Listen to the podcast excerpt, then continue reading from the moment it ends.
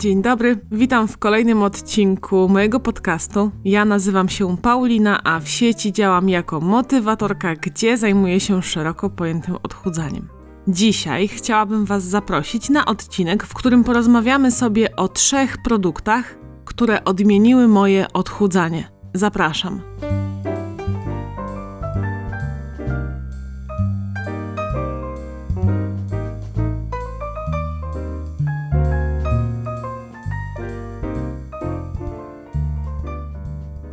Skąd pomysł na odcinek? Nie ukrywam, że podrzucił mi go mój mąż, ale pomyślałam też sobie, jak tylko usłyszałam jego propozycję, że rzeczywiście szkoda, że ja na to wcześniej nie wpadłam. Powinniśmy rozmawiać o konkretach. W sieci, zwłaszcza w tej fit sieci, bardzo dużo jest informacji na temat motywacji, e, determinacji, jak się wziąć w garść, jak ćwiczyć, co robić, żeby ćwiczyć, co robić, żeby się zmotywować.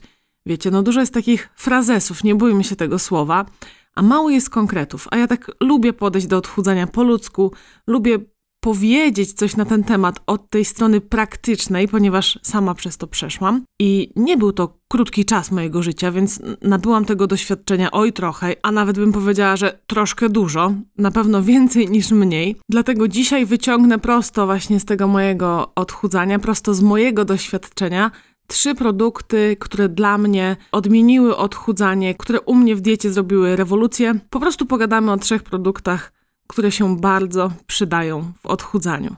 Pierwsze, co mi przyszło na myśl, jak mój mąż rzucił pomysł na ten odcinek, słuchajcie, to były płatki owsiane. Ja nie żartuję, płatki owsiane to jest życie. Wcześniej owsianka mi się kojarzyła źle i nie ukrywam też, że sama przyłożyłam do tego rękę, żeby ona w odchudzaniu mi się kojarzyła źle. Ale może inaczej, nie, ko się dobrze, ale to jak mi się wcześniej kojarzyła, było związane z tym, że w momencie, kiedy mieszkałam z rodzicami, oni robili owsiankę.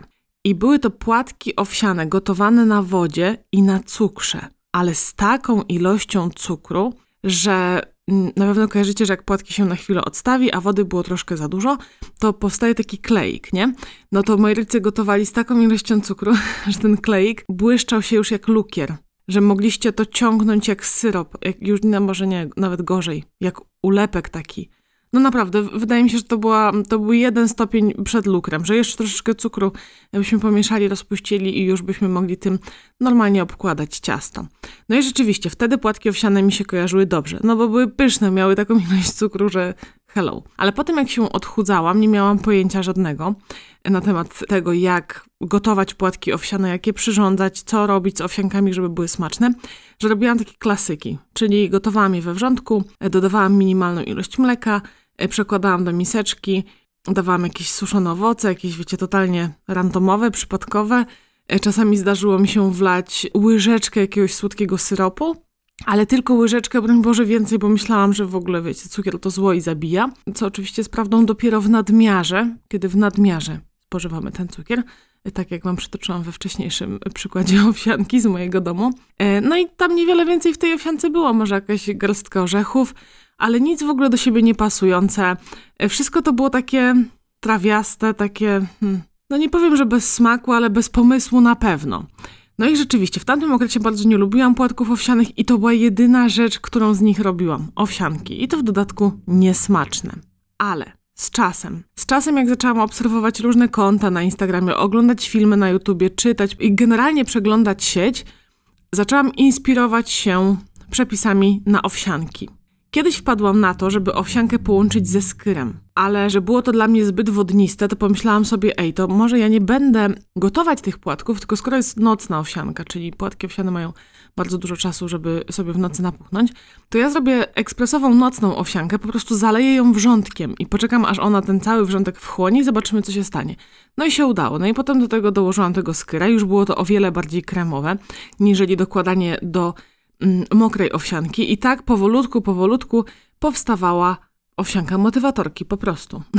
Wcześniej, w ogóle dużo, dużo wcześniej robiłam coś takiego, że mroziłam skyra przez kilka minut, a następnie wkrajałam do niego e, batonika musli i trochę owoców. I miałam taki, wiecie, coś ala deser. Tylko to danie miało bardzo dużo cukru, bardzo dużo i ono tak no syciło mnie całkiem nieźle, ale potem byłam gotowa jeść dalej.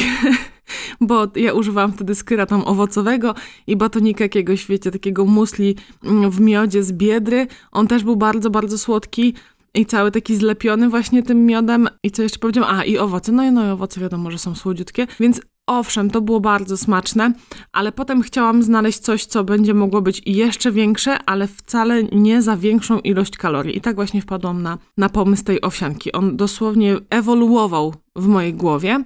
I tak dochodzimy do momentu, gdzie istnieje już owsianka motywatorki, a w sumie na jej temat wiele wariacji, bo na pewno znacie jej klasyczną i na pewno kojarzycie, o, pierniczkową, pierniczkową bardzo dużo z Was kojarzy, a jak nie, to można przeczesać moje profile w poszukiwaniu przepisu.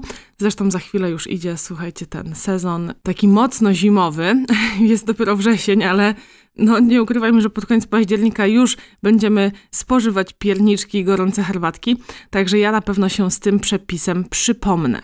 Ale płatki owsiane to dla mnie nie tylko owsianki, to także, słuchajcie, mąka owsiana. I powiem to na samym początku tego akapitu, żeby mieć mąkę owsianą nie trzeba jej kupować. Wystarczy zblendować płatki owsiane. I tak oto w waszym domu, w zwykłym młynku do kawy, czy w zwykłym blenderze kielichowym, bo ja też tak mielę płatki owsiane, powstaje wam właśnie mąka owsiana.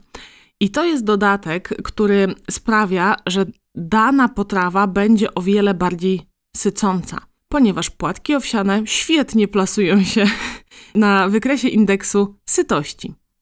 Jeżeli robicie naleśniki, to niech jedna trzecia tych suchych produktów, które wrzucacie, w sumie to chodzi mi o mąkę, niech będzie to mąka owsiana. Tylko potem szybko mieszajcie i niech za długo to ciasto nie odpoczywa, bo mąka owsiana ma to do siebie, że świetnie absorbuje wodę.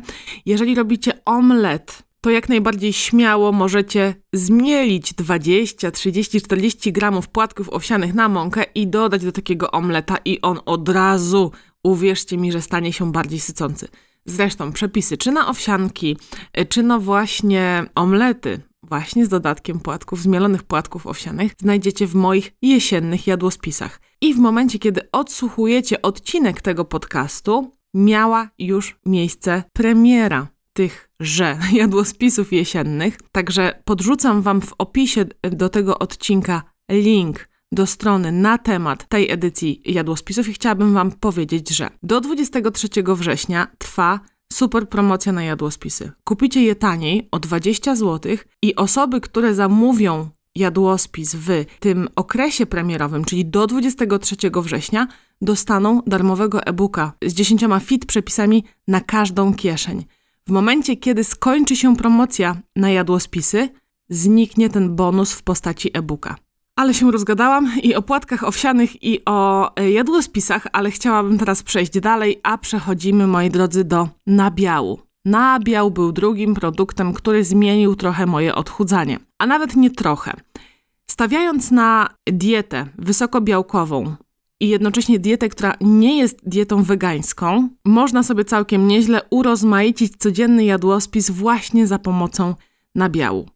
Ja na nowo odkryłam serki wiejskie, na nowo odkryłam jogurty, a potem y, te jogurty mi się zamieniły w skyry i na nowo także odkryłam dobiałczanie każdego możliwego posiłku. Co to znaczy dobiałczanie? To jest dodawanie mm, źródła białka, o którym dotychczas byśmy nie pomyśleli, ale przez to, że jesteśmy na redukcji i motywatorka mówi, że warto postawić na wysoką zawartość białka w posiłku, no to jakieś tam białko dorzucę. No i na białym można bardzo fajnie to białko podbijać.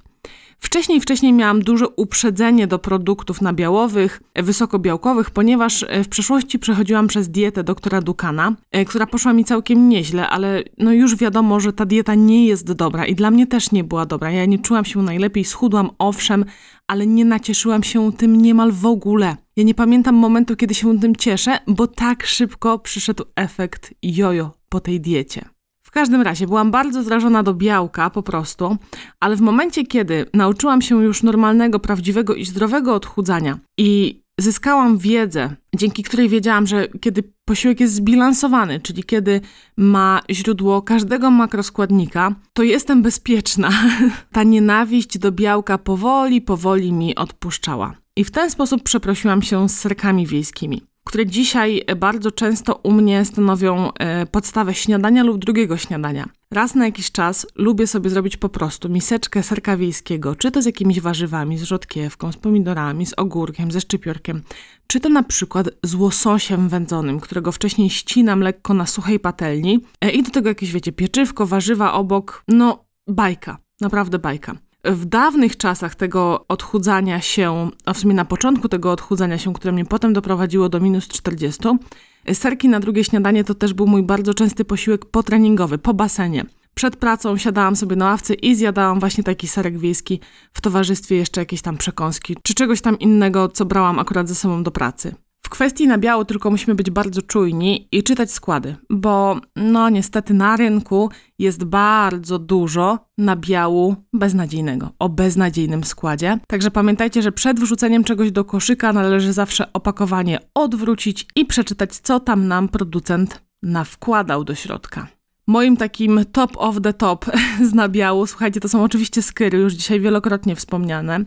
To są twarogi, najczęściej chude lub półtłuste. To są serki wiejskie i to wszystkie, naprawdę wszystkie, w zależności od tego, który jest na promocji albo który leży na półce sklepowej. Są to normalne albo ze szczypiorkiem, albo wysokobiałkowe, albo lekkie ale są to także śmietankowe, zwykłe serki do smarowania kanapek, których ja używam po prostu jak masła. Chciałabym powiedzieć zamiast masła, ale z tym masłem też jest tak, że ja nigdy za bardzo za nim nie przepadałam. Jakiś mam uraz do smarowania chleba masłem. Po prostu ja nie lubię tej konsystencji, takiego czystego tłuszczu na kanapce i muszę mieć naprawdę jakąś mega ochotę i musi być to jednocześnie połączone z jakąś mega okazją, żebym zjadła kanapkę z masłem albo ze smalcem. Dlatego u mnie w lodówce zawsze jest zwykły serek śmietankowy, który stanowi taką podstawę kanapki. A teraz przyszedł czas na trzeci produkt, który odmienił moje odchudzanie.